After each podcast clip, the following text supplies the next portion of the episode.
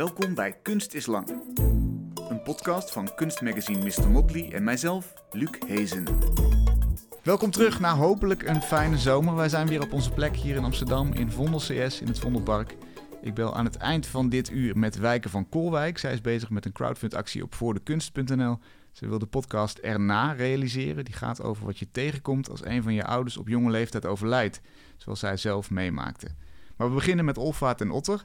Hij schildert al zo'n 30 jaar met de oude bewezen techniek van eitempera. Eigeel vermengd met water en pigment. Zijn schilderijen verschijnen in reeksen en zijn vaak langdurige onderzoeken naar een bepaald onderwerp. Bijvoorbeeld de World Stress Paintings, een reeks die al meer dan 10 jaar loopt, schitterende kleine tafereeltjes van een landschap waarin een ramp heeft plaatsgevonden. Soms is die ramp zelf duidelijk zichtbaar door brokstukken of puinresten of rookwolken, maar net zo vaak broeit die onzichtbaar in een dreigend verstild landschap op de achtergrond of ergens onder. Er is in elk geval nooit een spoor te zien van de mens die het allemaal heeft veroorzaakt. En dat is ook het geval in de serie wolkenschilderijen die de vele gedaantes van wolken laat zien. En een andere reeks is de postcode-series, waarin we de plekken zien waar daklozen slapen. Hun kwetsbare tentjes, slaapzakken en stukken karton staan in sterk contrast met de efficiënt geordende architectuur van onze welgestelde samenleving. En dan is er ook nog de mysterieuze reeks Everything, een poging om alles te vatten in een schilderij. dat is een abstracte verzameling symbolische objecten waarin vaak de penis, het boek en de kaars opduikt. En waarom dat zo is, dat, dat gaan we zo horen. Olvaart, welkom. Dankjewel. Leuk dat je er bent. Laten we beginnen met die eeuwenoude techniek eitempera. Geen voorgemengde verf uit een tube. Een zelfgemixt ei, pigment, water, dat is het. En lijnolie. En lijnolie? Ja. Biedt dat vooral praktische voordelen voor jou? Of, of is dit ook een soort statement? Zit er meer achter? Nou, er zit sowieso meer achter. En het, uh, als je eraan begint, dan heeft het alleen maar nadelen. het is een hele moeilijke techniek in het begin. Ja. Als je dat 30 jaar doet, dan... Uh, als je iets 30 jaar doet, is niks meer moeilijk. Maar um, nee, ik had er een hele specifieke aanleiding voor. Al op de academie merkte ik dat uh, ik werkte met olieverf. En ik ging daar steeds meer ja, terpentine bij gooien, dus verdunnen. Tot ik een soort uh, hele slechte aquarelverf kreeg. Ja, dat was het gewoon niet meer voor mij. Dat, dat klopte niet. En juist ook op dat punt keek ik een keer in een pot pigment. En uh, het was Pruisisch blauw. En de kleur die ik zag, die kende ik, want die komt ook uit een tube Pruisisch blauw. Maar de hoedanigheid van dat pigment, die was zo anders en die was zo overweldigend dat ik dacht, waarom komt dat wat ik nu zie niet uit die tube? Uh, wat is er mis met die tube? Ja. En uh, toen dacht ik, ja, ik moet een, een bindmiddel hebben dat visueel verdwijnt. Hè, zodat ik als het ware het pigment overhoud, maar dat het toch geplakt zit hmm. aan, aan mijn doek. En toen ben ik al op de academie gaan zoeken. En uh, dat heeft zo in een periode van een jaar, anderhalf jaar, geleid tot eitempera. Als meest dof opdrogende bindmiddel. Daar zocht je naar? Daar zocht ik naar, ja. En uh, zodat de kleuren uh, niet door een film heen hoeft te breken van een vernis. Of een, en dat ze toch goed vastzitten aan dat doek. Mm. Dat is het in het kort. Ja, en dat is de praktische kant ervan? Ja, dat is de praktische kant. Je kunt ook zeggen, er, er, is een, er zijn eeuwen vernieuwing geweest in, ja. in verf, hè, exact, verfontwikkelingen. Ja, ja. En die en schuif je opzij eigenlijk. In één keer, ja. En dat was voor mij uh, bijna een bevrijding. Omdat, um, ja, ik ga weer even terug naar die academietijd.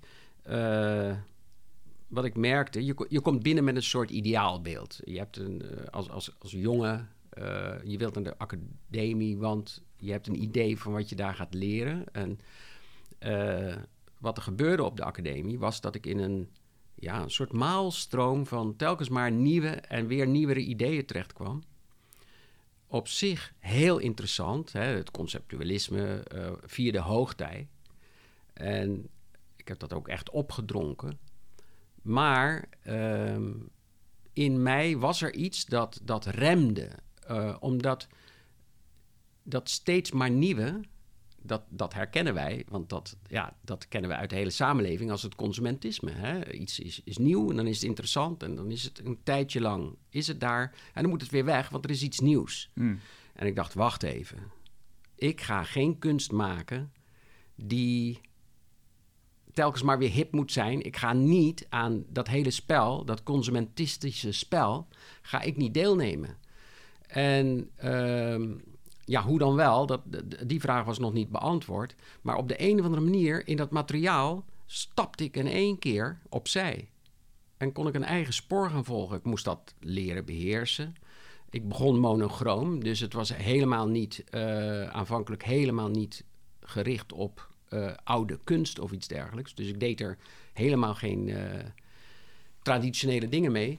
Maar daar, door dat materiaal geleid ben ik wel ja, heel anders gaan kijken naar onderwerpen. En uh, nou ja, die serie Alles, je noemt hem Everything van mijn Engelse website, uh, denk ik. Waar in, in het Nederlands heet hij gewoon de serie Alles. Hmm.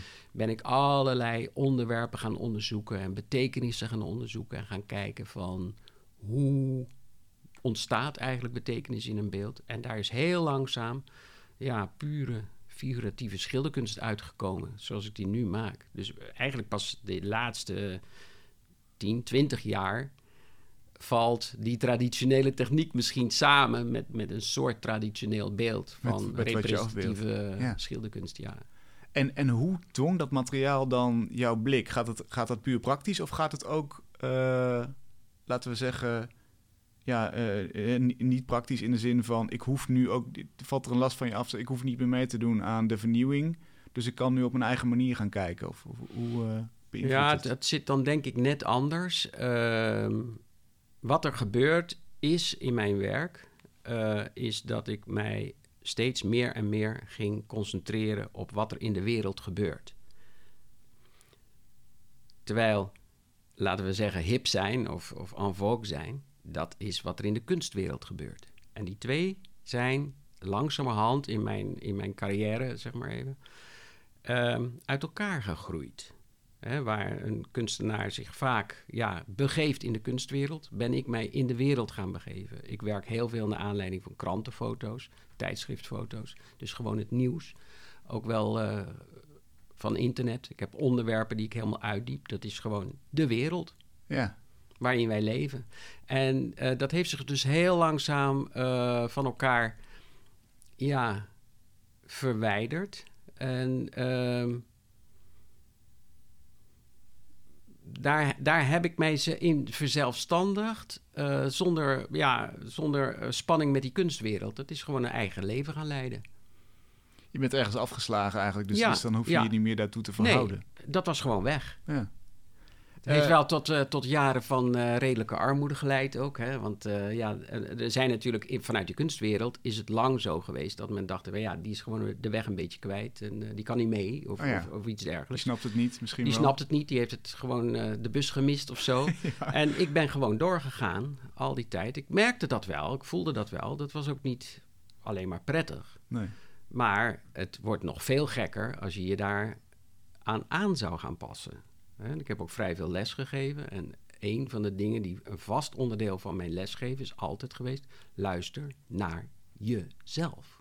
En nooit, zelfs niet naar mij, weet je, als docent. We kunnen een didactisch gesprek hebben, maar luister in eerste instantie naar jezelf. Want als het niet de vernieuwing is die dicteert, wat, wat zijn dan uh, handvatten voor kwaliteit? Hoe, hoe, hoe, hoe ja. ligt het voor jouw werk? Hoe zou je die vraag beantwoorden? Nou, dat is heel interessant dat je dat zo zegt. Want je verbindt nu het nieuwe met kwaliteit. Mhm. En ooit, ik geloof in 2000 of zo, heb ik een zin opgeschreven. Als het nieuwe beter zou zijn dan het oude, dan zou ieder contemporain kunstwerk oneindig veel beter moeten zijn dan, pakweg, de grotschilderingen van Lascaux. Maar zo is dat helemaal niet. Nee, het is geen stijgende lijn die. Eh, nee, we gaan nergens naartoe. Waardoor het nieuwere per se beter is. Het nieuwere trekt mensen aan, want dat hebben we nog niet gezien. En daarom denken ze dat het een inherente kwaliteit heeft. Maar is dat wel zo? Als dat niet zo is, of niet per se, waarin ligt dan een inherente kwaliteit? Ja. Nou, dat is nog best een vraag. Je bent er zo'n 30 jaar mee bezig inmiddels. Dus ik, ik, gok dat je al best wel een, een, idee hebt. Hoe beantwoord je dat voor jezelf? Voor je eigen werk? Nou, dat is nog helemaal niet zo makkelijk. Uh, een van de dingen die ik uh, graag wil... En dan maak ik even een zijsprong. Ik doe ook een, een sport. Ik doe aan kendo. Dat is een, uh, een Oosterse vechtsport. Zwaardvechten. Okay. Uh, wat je daar leert, is uitsluitend die beweging maken die doelmatig is. Nou, ik kan je vertellen, dat is een hell of a job. Hè. Er moet altijd weer opnieuw af.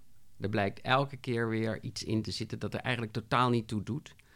En dat je ook hindert bij het bereiken van je doel. Namelijk om vanuit stilstand of vanuit een, een, een ja, ogenschijnlijke stilstand. Want je leeft wel, bij wijze van spreken. Je moet wel in beweging blijven. In één keer een aanval te plaatsen die succesvol is. Hmm. En in feite zijn die bewegingen van een hele goede kendoka... die zijn altijd bijna kaal. Die zijn, daar zit niks omheen. Hetzelfde is in Japanse en Chinese kalligrafie. Dat kan alleen maar raak zijn. Zodra je daar iets in gaat willen, dan doe je geweld aan je beweging.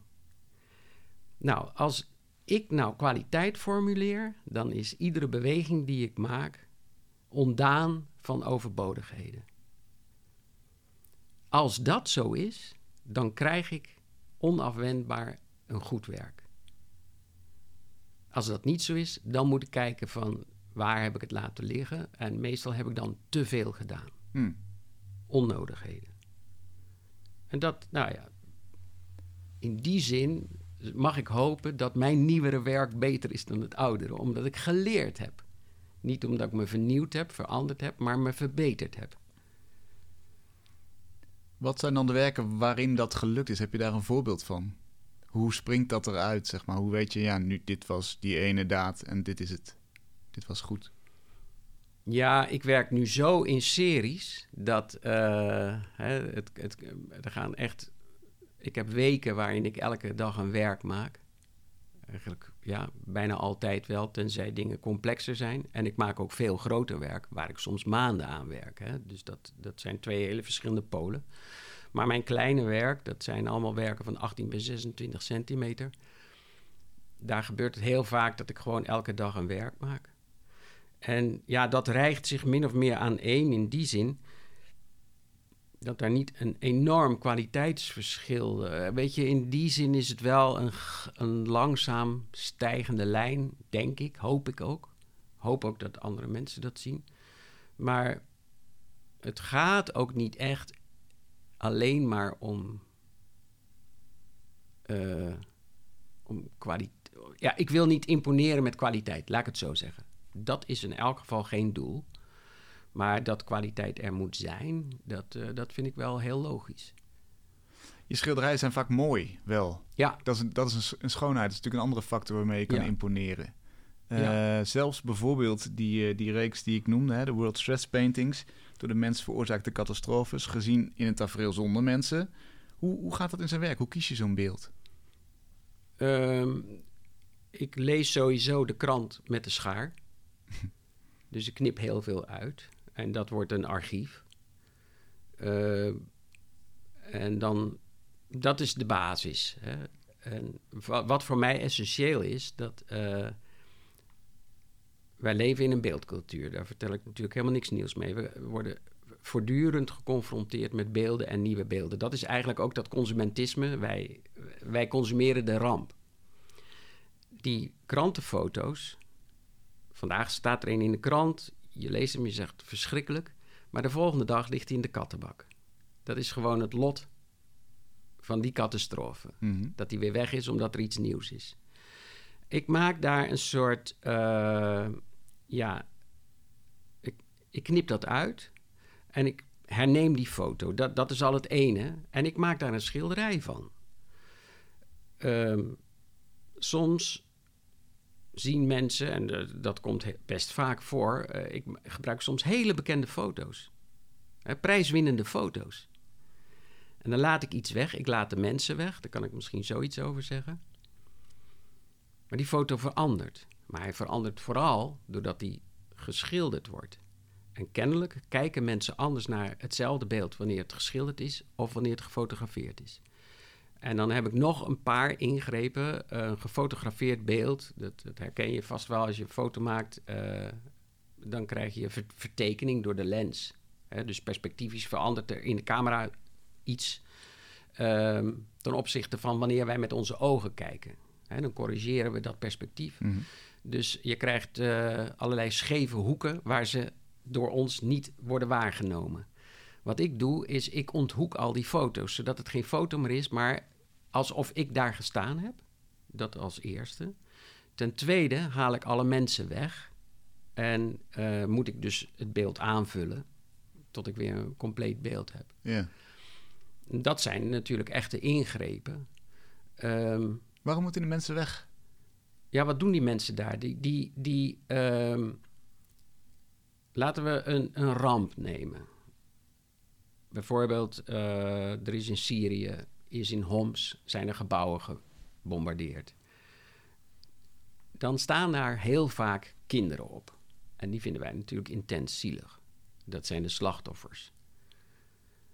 De fotograaf eh, gebruikt die kinderen. Ik bedoel dat niet in, in negatieve zin, maar die gebruikt die kinderen zodat die kinderen be- bemiddelen in het verdriet. Die laten ons zien hoe erg het is. Daarmee is die foto documentair. Dat gaat over die plek, daar, op dat moment. En dat kind is dat overkomen. Maar mijn werk gaat over, ja, laten we zeggen, de condition humaine. Over wat er gebeurt. Waarin daderschap en slachtofferschap eigenlijk niet zo heel interessant is. Althans, het kan zijn, bijvoorbeeld bij dingen die de klimaatverandering betreffen, is het nou niet zo helder of jij daar een slachtoffer van bent of een dader. Dat hangt er een beetje vanaf hoe vaak je vliegt en of je vlees eet en of je, weet ik het, in wat voor auto je rijdt. Of, Mhm. eh, hè, de keuzes die je gemaakt hebt in je leven maken of jij bijdraagt of alleen maar leidt. Door de mensen eruit te halen, kan ik die vraag pas stellen. Dus ik probeer mij in te leven alsof ik die, in die plek ben, Mhm. met het oog op de kijker, die via mij op die plek ja, wordt geprojecteerd. En niet kan ontwijken in medelijden met een ander of woede op een dader, Mhm. maar ja, mogelijk zijn eigen rol kan bepalen daarin. Want je zegt ontwijken in, dus dat is bijna, bijna een vlucht of bijna een voorgevormde Ja. weg waar je in schiet. Als je, Ja. dat, als je zo'n kind ziet, dan is je enige reactie medelijden met dat kind. Arm kind, En vergeet je wat er omheen zit. precies.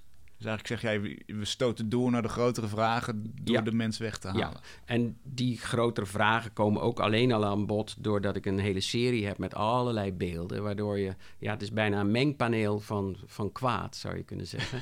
en eh, ja, de kijker moet, moet zelf gaan mixen. Die, die, die, hè, in die ten, ik krijg dus over drie weken een tentoonstelling in Museum Belvedere. Een van de eerste dingen die je ziet is een blok van 60 werken uit de World Stress Painting serie. Zes hoog, tien breed. Ja, dat is enorm. Dat is een Zoom-conferentie van, van, eh, met heel veel eh, personages. en, eh, en nou ja, daar moet je gewoon een weg in vinden. Ja, allemaal catastrofes of taferelen, Ja. landschappen waarin het plaatsvindt Ja. of gevonden heeft. Waarom dat kwaad? Waarom, waarom moet dat op dat hele grote blok komen? Ja, ik noem het nu het kwaad. Ja, Maar dat is niet helemaal terecht.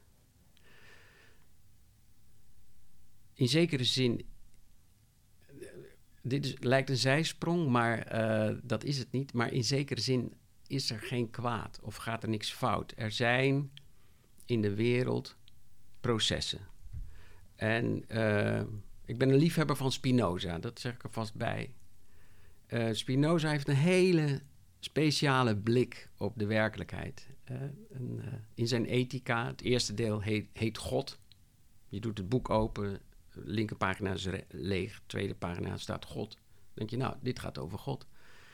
Ga je lezen, inderdaad, gaat over God. En langzaam wordt God vervangen door natuur met een hoofdletter. Want alle attributen van God, eeuwig, onfeilbaar, eh alomtegenwoordig, die kan je allemaal één op één vertalen naar de natuur. Overal is natuur, alles is natuur. Hij is ook eeuwig, is er altijd geweest, zal er altijd zijn.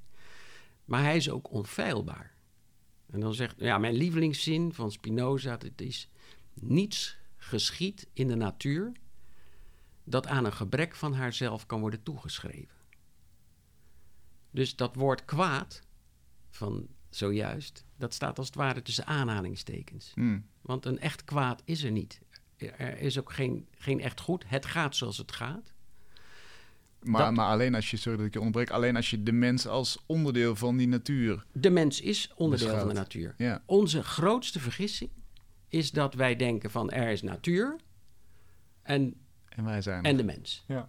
Dus het is natuur plus één. En die één, dat zijn wij dan. Wij zijn een zoogdier. Hmm. Juist die stap opzij die we hebben gemaakt, maakt dat wij nu in de problemen zijn. Wij zijn dus zo ver de wipwap af aan het lopen dat de balans eh, gevaarlijk doorslaat en we twee dingen kunnen doen: doorlopen en vallen. Of zien dat we collectief terugrennen naar het midden. Doen wij dat niet, dan corrigeert de natuur dat zelf. Dan, ja, dan glijden wij er gewoon vanaf. Mhm. En dan ah, krijgen we weer een nieuwe balans. Klimt er een andere aap uit de boom, die misschien wat wijzer is, of ik weet niet wat er dan gebeurt. Maar het gaat ook ten koste van heel veel soorten. Het is wel een naar iets. Hè? Dat is dus een groot verschil. tussen je kan zeggen goed en kwaad. Ik zeg nu even, alles is goed. Maar het doet veel verdriet. Ja. Dus als je het persoonlijk neemt, is het verdrietig. Maar als je het, eh, ja, In het grote plaatje. precies op een universe- universele schaal bekijkt, dan, dan, ja, dan komt, komt het wel goed. Of is er geen sprake van een kwaad proces? Dat bestaat niet. Wat natuurlijk wel interessant is, dat de reden dat de mens zichzelf de plus één vindt, is, is bewustzijn. Wij, wij denken dat we boven de zoogdieren staan, omdat wij een bewustzijn van onszelf hebben. En omdat we een rationele keuze kunnen maken. Zeg je dan ook, we zijn onderdeel van de natuur, dus eh, we, we zijn ook nou, niet willoos, maar we, we, we kunnen geen andere keuze maken? Want op het moment dat je bewust bent en een bewuste keuze maakt, heb, heb, kun je schuld hebben of geen schuld. Ja, je vraagt naar de vrije wil. Juist. Ja, dat is een van de allergrootste filosofische vragen. Ja. Nou, Schopenhauer, die heeft daar eh, zeer uitgebreid over, hè, die, die Welt als Willensvorstellung. Die laat zien dat het een enorme vergissing is om de mens specifiek te noemen door het hebben van een bewustzijn. Dat klopt eigenlijk niet. zegt Want, eh, kun je hij. hem ja, samenvatten? het is een dik boek hoor. Ja, ja, daarom. Ehm, nou, zelfs dieren hebben ook een vorm van bewustzijn. En, eh, maar ook, ook, ook, nou ja, dat wordt nu steeds duidelijker. Ook bijvoorbeeld bomen. Daar, daar hoef je geen zweven voor te zijn. Eh, bomen reageren ook onderling op elkaar, reageren op vijanden. Hebben een, eh, ja, je zou kunnen zeggen, een soort rationeel gedrag jegens hun eigen welbevinden. Ja, ik weet niet hoe jij bewustzijn omschrijft, maar ja, daar heeft het trekken van. Mhm. Dus ook die, dat idee dat die, die plus één erin zit dat wij eh, een bewustzijn hebben, is eigenlijk niet te onderbouwen. Dus onze unieke positie, die is gewoon, ja, zelf verkozen en in feite een vergissing. En een oorzaak van heel, heel veel problemen. Mhm. Kijk, we hebben natuurlijk wel extra tools. Dat is natuurlijk logisch. Maar we zetten ze niet in voor eh, algemeen welzijn. Dat is echt een groot probleem.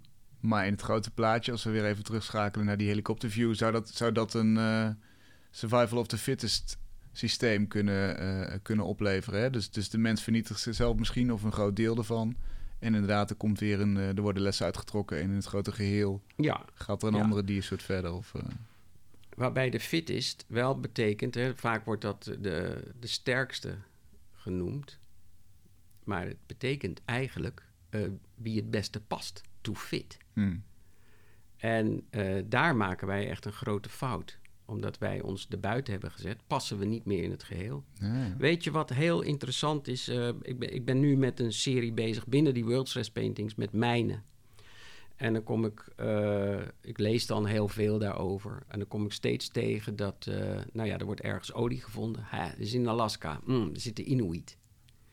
Of eh, uranium bij de Aboriginals. Of een pijpleiding door een reservaat van Native Americans. Je komt, als je daarover gaat lezen, over de mijn, kom je heel vaak tegen de levenswijze zoals de westerse mens, die na de verlichting en na de industriële revolutie als enige houdbare manier van leven heeft ge- geprojecteerd op zichzelf, die zie je steeds kruisen met eh, het leven van, eh, nou ja, laten we nou zeggen, oorspronkelijke bewoners, laten we het even zo zeggen. Mhm. Die vaak een heel geïntegreerd leven hebben. Eh, vaak met elkaar. Er is, er is wel een chief, maar die kan bijvo- bijvoorbeeld heel makkelijk wisselen. Of het is gewoon de beste jager. Of het is een chief alleen tijdens de jacht, omdat hij daar goed in is. En op een ander vlak is een ander de chief. Heel vaak zie je dus hele interessante samenwerkingsverbanden. Er is altijd een enorme aandacht voor de plek waar ze wonen. En er wordt altijd ge- gezocht naar evenwichten. Je zou zeggen, als je daar bereid bent om van te leren, je, wij hoeven natuurlijk niet terug naar, naar een soort oerstaat. Maar als er blijken hele intelligente, geïntegreerde, laten we even zeggen holistische levenswijzen, die zijn er gewoon, hè? Ook, ook nu nog. Ook in Europa, de Sami.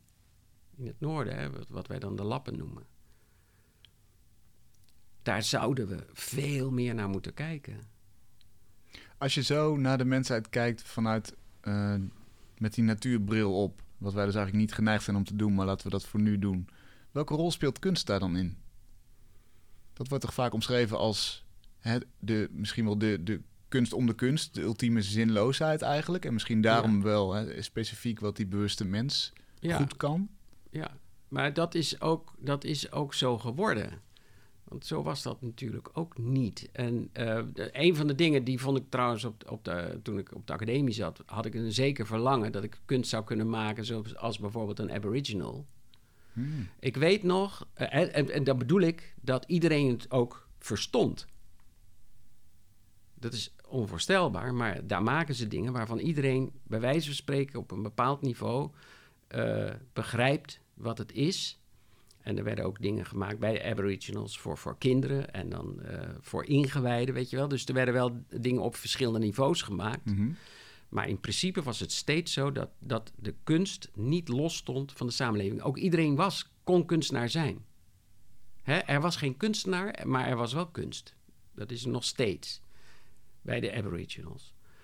En ik had toen het verlangen van... eh, wat zou het toch mooi zijn als ik een, een soort universele, universele taal zou kunnen vinden. En ik weet nog dat ik toen, nou ja, toen had je nog gewone winkels, ging je groente gewoon nog bij de groenteboer kopen. Mhm. In die tijd, zo oud ben ik al. En toen, eh, nou, laten we zeggen dat, eh, dat het eh 9 gulden kostte. En dat ik dan de bon zou omdraaien en een tekening van, van een tientje zou maken. En zou zeggen, laat de rest maar zitten. En dat hij meteen begreep, ja, dat is een tekening van een tientje. Dat ziet iedereen. Hmm. Maar toen wist ik al van ja, dat, dat hebben we niet. We zijn op een bepaalde manier helemaal losgezongen van, ja, van eh, de gewone mens. En dat is een van de ernstigste weeffouten, denk ik, in de kunstwereld. Dat is dus geen fout van de wereld, is geen fout van de mens, maar dat is wel die hoog gespecialiseerde wereld die de kunstwereld is geworden. De bron daarvan ligt denk ik in de 19e eeuw bij het genialiteitsbegrip. Mhm. Want vroeger was een, een, eh, een kunstenaar, ja, die maakte ook, en ook grote kunstenaars maakten gewoon eh, uithangborden voor de herberg, zal ik maar zeggen. Of eh, borstkurassen voor, voor de soldaat. En op een gegeven moment is dat gespecialiseerd geraakt. En toen kwam de, het genie, dat als het ware door een goddelijke vonk getroffen moest worden en ook door de gewone mens niet meer kon worden begrepen. Ja, per is een definitie heel- niet. Omdat per het een, definitie, een ander want, soort want hij is. was een kunstenaar. Ja. Als je nu zegt van een schoenmaker die zijn werk heel goed doet, dan zeg je ja, maar dat- hij is echt een kunstenaar. Hè? Dus Ja. dat is iets. Buiten categorie. Ja, en dat is eigenlijk helemaal niet. Dat is niet prettig. Dat is geen prettige functie. Hoe- en dan kan je ook zomaar weggedaan worden door, eh, door de politiek, maar ook, ook door, door ja, de mensen om je heen. Ja, want je staat niet in contact met de rest eigenlijk. Precies. Hoe, hoe, hoe zet jij daar jouw eigen werk en jouw eigen rol tegenover? Hoe zorg je dat je wel in contact blijft met jouw schilderijen? Nou, ja, je kan, je kan verschillende dingen doen. Eh, ik had laatst een discussie. ehm, ik was met, met een project bezig en toen zei iemand van... eh, oh, dan doen we ook een VIP-tour. En toen zei ik zo, direct doe ik de VUP-tour. Wat is een VUP-tour? Ja, Tour for Very Unimportant People. Ik ga wel naar uh, Rotterdam-Zuid, ik kom uit Rotterdam. Ik ga wel op Charlo's. Uh, kijk, als het van belang is wat we doen... Hè, dat, dat wordt ons steeds ook gevraagd, of is ons de laatste jaren steeds gevraagd... wat is het nut of de betekenis van kunst? Mhm. Nou, dan gaan we dat allemaal uit zitten leggen. Ja, maar aan wie leg je dat eigenlijk uit? Kan je het ook aan de... Ik vind het heerlijk als er een loodgieter in mijn atelier moet zijn... en die, die zegt van... hé, hey, wat, wat is dit? En daar neem ik ook echt de tijd voor. Natuurlijk. Het kan niet zo zijn dat je kunst maakt voor. Ja, er zijn natuurlijk posities, kunstenaarsposities, die dat dwingend af, uh, afdwingen. Hm. Hè? Dus uh, ik wil niks zeggen ten nadele van een kunstenaar die in een hele kleine niche zit en, en dat pad helemaal af moet lopen. Weet je, dat is legitiem. Maar voor mij is het echt van belang dat, dat je dingen maakt die uh, ja, ook een zekere. Ik heb het over de wereld. Dan moet je ook met de wereld kunnen spreken. Ja. En ik doe daar mijn best voor. Ja, hoe precies? Bij, bij elk, ik, ik praat toch nu ook heel gewoon ja. over wat ik doe. Maar eigenlijk wil je misschien, tenminste, dat vul ik zo maar even in... maar dat, dat, dat je dit gesprek niet nodig hebt als context bij zo'n schilderijtje. Je wil meteen daarin gezogen worden. Het moet met beeldende middelen, denk nou, ik, of niet? Tekst en uitleg, daar ben ik absoluut toe bereid. Ja. Het is, ik vind het ook helemaal niet erg. Dat, weet je, uh, als je een wiskundeboek pakt en je snapt het niet, dan zeg je van nou, dat is uh, een knappe kop hoor. Ja. Terwijl je een kunstwerk meteen zou moeten begrijpen, dat hoeft ook niet. En ik, ik wil best daar dingen bij vertellen of, of wat dingen laten zien die daar verband mee houden, zodat iemand ziet wat de context is. En dat gaat vaak hartstikke goed. Dat is vaak helemaal niet zo ingewikkeld. En je hoeft ook niet op de knieën. Je kan het gewoon uitleggen. Ja. Is kunst dan in essentie voor jou een communicatiemiddel? Ja. Dus, dus meer dan... Ja, precies, een Ja. taal, ja. ja. En, en dat is misschien dan wel iets wat... Als je even teruggaat naar wat je zei eh, over vernieuwing in de academie... Als je, als je continu je eigen taal probeert uit te vinden... dan is het misschien niet gek dat mensen je kwijtraken. Nee, dat is ook zo. En dat vond ik dus lastig.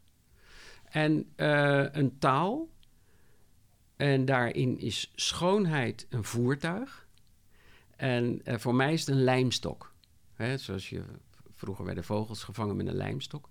Ik vang de blik met, met die schoonheid. Uh-huh. Want het ding heeft al in de krant gestaan. En nu zeggen mensen vaak bij datzelfde tafereel: "Oh, wat mooi. Ja, hallo, het is een catastrofe. Maar door die schoonheid, ja, lok ik ze naar binnen. Ja. En dan moet er, dan moet de kijker moet gaan dealen met wat hij mooi vindt. Is dat mooi of is het catastrofaal? Hoe kan dat? Wat, wat gebeurt hier in mij? Weet je, dat, zoiets verwacht ik er wel van. Hmm. Maar dan moet er ook eens een, eh, een beetje onheil te ruiken zijn ergens. Ja, dat is absoluut zo. Ja. Maar weet je wat het ook met onheil is? Iedereen heeft in zijn eigen leven eh, onheilspellende dingen meegemaakt. Eh, De dood van een geliefde of van een ouder of iets waar, waar, waarvan je intens, intens verdrietig bent. Heel vaak merk je dan dat je leven op zo'n moment buitengewoon waardevol is. Er gaat bijna nooit iemand dood van verdriet. Eh, mensen gaan vaak zeggen van... ik ga mijn leven anders inrichten. Hmm. Ik, eh, ik ga er beter gebruik van maken. Ik moet, wat, wat ik wil doen, dat moet ik nu doen, want het kan zomaar weg zijn. Iedereen kent dat soort voorbeelden. Dat is de waarde... Ja, weet je, dat is die gouden munt die onder in de put ligt... en waar je niet bij kan. Wat ik zoek in dat verdriet, dat is iets van grote waarde. Het is bijna geheim wat ik nou zeg. Want dit is eigenlijk wat de kijker ook zal moeten vinden. Ja. Nou heb ik het verklapt. Weet je, maar, maar daar, daar, ligt iets, daar ligt iets waardevols in. ja. Wat dat ik een- misschien ook niet helemaal kan formuleren, maar, maar wat een ander wel kan vinden. Ja, dat is een pad waar je, waar je in kan in dat werk en, en Ja. wat je af moet lopen. Ja. Als je dan kunst ziet als een taal, wat, wat is dan de poging om, om alles te doen, om alles te schilderen in één schilderijtje? Dat is eigenlijk alles zeggen. Ja, Hoe, dat is een on- Ja. onmogelijke klus. ja maar dat, dat wat je nu zegt, dat doe ik niet meer. Dat Hm. had ik vroeger wel. Ik wilde vroeger wel soort sublieme kunstwerken maken waar, waar alles in, in vervat was. Hè? Ja. Een soort universeel kunstwerk. Dat doe ik niet meer. Ik heb het nu opgesplitst in allemaal fragmenten, als facetten van een diamant. Dus Mhm. dat zijn die series. Mhm. Laten allemaal. Ik weet soms ook eh, dat er iets in een werk niet aan bod komt. En dan denk ik, ja, maar dat kan morgen. Of, of volgende week. Ik heb, ik heb dingen in de wachtrij staan in mijn hoofd. Ik weet van, dat ga ik nog doen, dat ga ik nog doen. Dat pad ga ik nog op. Dus ik, ik kan eh, die enorme veelheid van dat alles, die kan ik doseren. Die kan ik doseren, ook naar mijn kijker toe. Ook de kijker kan gedoseerd dingen tot zich nemen. Kan bladeren in dat boek dat er straks komt. Ja. Er komt een enorm mooi boek eh, door Gert-Jan Slachter ontworpen. Bij de tentoonstelling. Een groot, groot gedragen boek. Dus als je het hebt over kendo, over de directe beweging, dan is de poging om alles in een schilderij te vatten, zijn twintig bewegingen door elkaar die opslachtig zijn, die niet eh, voldoende zijn, puur zijn. Precies, ja. En bij kendo gaat het ook nooit om die ene klap. gaat om een hele wedstrijd of, eh, of, of om... Ja, het gaat om... Ja, de do van kendo is de weg. Dus het gaat niet om een moment, het gaat om een route. Kendo is de weg van het zwaard. En eh, de samurai, waar dit vandaan kwam, had twee instrumenten. Dat was zijn zwaard en het penseel. Want hij kalligrafeerde. Elke samurai was ook kalligraaf of zelfs ook schilder. Het is een hele beroemde... Het boek van de vijf ringen is geschreven door... eh, nou, schiet de naam mij niet te binnen. Een hele grote kalligraaf en schilder. Wanneer is jouw eh, kunstenaarschap klaar? Wanneer, wanneer eh, stel dat je, dat, je over, dat je nog tien jaar door mag. Wat, en je kijkt dan terug, je zegt ik ben te oud, ik, ik, ik, weet niet, misschien is het wel 30 jaar hoor, maar wat, hoe kijk je dan terug? Hoe wil je dan dat het was? Jee, grote vraag. Nou, wat ik al heel lang eh, in mijn hoofd heb, dat is dat, dat ik steeds probeer te schakelen tussen alles en niets. En ehm, soms denk ik, het kan samenvallen. Dat je bijna, hè, bijvoorbeeld eh, in het boeddhisme, hè, waar, waar, die, waar de kendo ook in wortelt, het zen-boeddhisme in feite, daar is het niets heel duidelijk geformuleerd. De, het nirwana, waar je in terecht komt als je splendid geleefd hebt, Mhm. weet ik hoe vaak. Hm. Ehm, dat is een verondersteld niets. Maar het is een volkomenheid. Dat alles omvat. Nou, dat, dat is een, eh, een, een, bijzondere staat van genade, zal ik maar zeggen. En eh, juist, ik, ik lees bijna elke avond eh, voor het slapen gaan in boeken over Chinese kunst. Of Azië, Oost-Aziatische kunst. Omdat daar voor mij iets heel belangrijks... Ja, dat heb ik ontdekt dat dat voor mij belangrijk is, laat ik het zo zeggen. Mhm. En ehm, juist gisteren las ik over dat nirwana. Dat het ook een volledig begrip van de wereld veronderstelt. Dus wij zijn gewend van het nirwana, dat is niets. Maar als je het zo leest, dan staat daar ook eigenlijk ja, een niets dat alles omvat. Ja, Een volledig begrip van de wereld. dan snap ik dit theoretisch. Ja, Maar als je het vertaalt naar de frame van een schilderij. Ja, dat vast. is niet te doen. Want dan heb je het over iets. Ja. Dus je kan, dat, je kan dit nooit formuleren door iets te beschrijven en door naar iets te streven. Er is een prachtig boek van Henk Oosterling over Oosters en Westerse filosofie. En dat heet Waar geen wil is, is een weg. Dat is precies jouw vraag. Je kan dit, wat jij nou vraagt, kan je niet beschrijven door iets te beschrijven of iets te willen. Ik weet zeker dat als je dat heel concreet wilt, dat je ernaast slaat. Als ik denk, ik ga hem zo raken met kendo, dan ben ik al lang af. Hm. Er is geen tijd voor die gedachte. Maar wat je gaat doen, moet ineens en volkomen zijn. Daar, daar, daar, daar valt niet meer over te reflecteren, dat valt niet te formuleren. Als dat gebeurt, als die, die volmaakte klap valt. Uh, vroeger werd dan gezegd, ja, dan, dan bereikte je gelijk Satori, weet je, dan, dan was je verlicht. Ja. Dat is dat, die volkomenheid. Maar daarnaar streven, ja, dat, dan, misschien moet je bergen overlopen. Misschien moet je, ja, ik weet niet wat je moet doen. Nee, je kunt eigenlijk dus alleen maar na afloop van dat kunstenaarschap zeggen... Vaststellen. Dit, dit is het. Dit is het geworden. Ja. Zonder van tevoren te denken, dit moet het zijn. Ja. Dat is eigenlijk uh, ja. De samenvatting, misschien de beste vertaling. Ja. Wanneer kunnen we je werk gaan zien? 2 oktober gaat in Museum Belvedere de tentoonstelling Aarde en Wereld open. Dat is de titel. Daar hangen 203 werken van mij. Uh, dat is veel. Ja. En uh, dat hangt er tot 31 januari. Uh, we leven in tijden van corona. Dus uh, je kan er met 50 of 60 mensen tegelijk in. op een dag deel. En daar moet je voor boeken. Dus je moet even kijken op Museum Belvedere en dan tickets, geloof ik. Maar dat vind je gewoon op de site. En dan vanaf die tijd ja, kan je je hart ophalen. Aan, aan vele facetten. Aan vele facetten, ja. En daarna gaat de route, de route gewoon weer verder. Of je, je bent misschien alweer verder. Je bent alweer verder. Ik ben alweer verder, ja. Ik heb natuurlijk alweer meer gemaakt dan daar. ja, ik ben alweer verder. Maar goed, zo gaat dat. Dankjewel. Tot je dienst. We sluiten af met een project dat op crowdfund website Voor de Kunst staat. Wijken van Koolwijk wil een podcast maken. Erna moet die gaan heten. Die draait om wat je tegenkomt als je jong bent en een van je ouders overlijdt. Wijken, welkom. Hoi. Die podcast die is deels opgebouwd uit jouw eigen ervaring, lees ik op voordekunst.nl. Je moeder is jong overleden. Wat gebeurde er met jou op dat moment? Wat gaat er dan ja, in je hoofd om?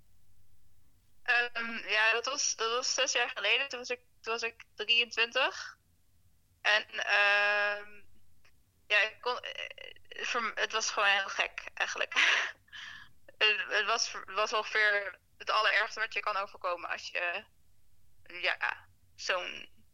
Ja, het is, voor, mij, voor mij kon ik me niet anders voorstellen dat het allerergste is wat me kon overkomen op dat moment. Ja.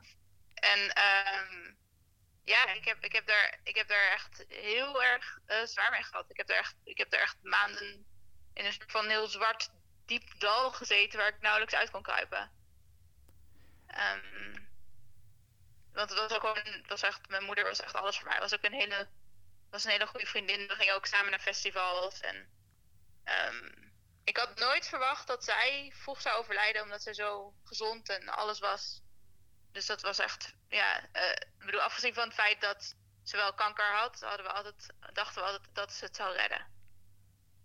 Ja. En dat is maar dan, dat was niet zo. Nee, dat is dan helaas niet zo. Uh, nee. Wat voor vragen en wat voor kwesties. Zeg maar, waar neemt je leven een zijspoor? Laten we het zo zeggen. Want je, je, je krijgt een duw natuurlijk. En je gaat een andere kant op. Wat, ja. Probeer ons eens mee te nemen in wat er dan gebeurt met je. Nou, ik denk dat je het wel als een soort van breuk kunt zien. Tussen het leven ervoor en het leven erna. Mm -hmm. Dus ja, ervoor, ervoor heb je één leven, heb je een bepaald soort toekomst dat je, dat je in gedachten hebt, een bepaald soort persoon dat je bent. En daarna moet je eigenlijk weer opnieuw uitvinden. Hmm. In ieder geval, dat was mijn uh, ervaring. Ik had echt, nou ja, de, de rouw waar ik dan doorheen ging, dat was dan. Ik, ik herkende mezelf echt totaal niet meer. En ik had niet echt, uh, ja, de, de, misschien dat het dichtst bij zijn wat het misschien zou kunnen zijn, maar wat ik zelf dan niet heb gehad, een depressie of uh, een burn-out zou zo kunnen zijn geweest. Maar ik had nergens energie meer voor. Ik herkende mezelf echt niet meer. En dat heeft echt heel lang geduurd voordat ik het weer. Um, voordat ik weer dacht: oh ja, oké, okay, dit ben ik. dat is best beangstigend, um, lijkt me. Ja, ja, dat was het ook. Um, ik was toen op dat moment was ik bezig met mijn studie. Toen deed ik de Babo en toen dacht ik, uh, ik ben toen doorgegaan met mijn stage. En, en uh, voordat mijn moeder overleed, draaide ik gewoon hele dagen de, de klasse. En daarna kwam ik weer terug en toen kwamen de kinderen binnen en ik kreeg al paniekaanvallen. Dus dat was heel raar en heel beangstigend. Terwijl ik daar. Ja, ik, ik, ik kende dat niet van mezelf. Ja. En, en, en eh, volgens mij is dat ook een belangrijke voedingsbron voor de podcast eigenlijk. Hè? Het idee, het is zo'n krankzinnige situatie waar je in belandt. Uh, ja, mensen kunnen daar hulp bij gebruiken. We willen misschien verhalen horen, ervaringsverhalen. Ja, uh, leg eens uit hoe is het, het idee ontwikkeld in je hoofd.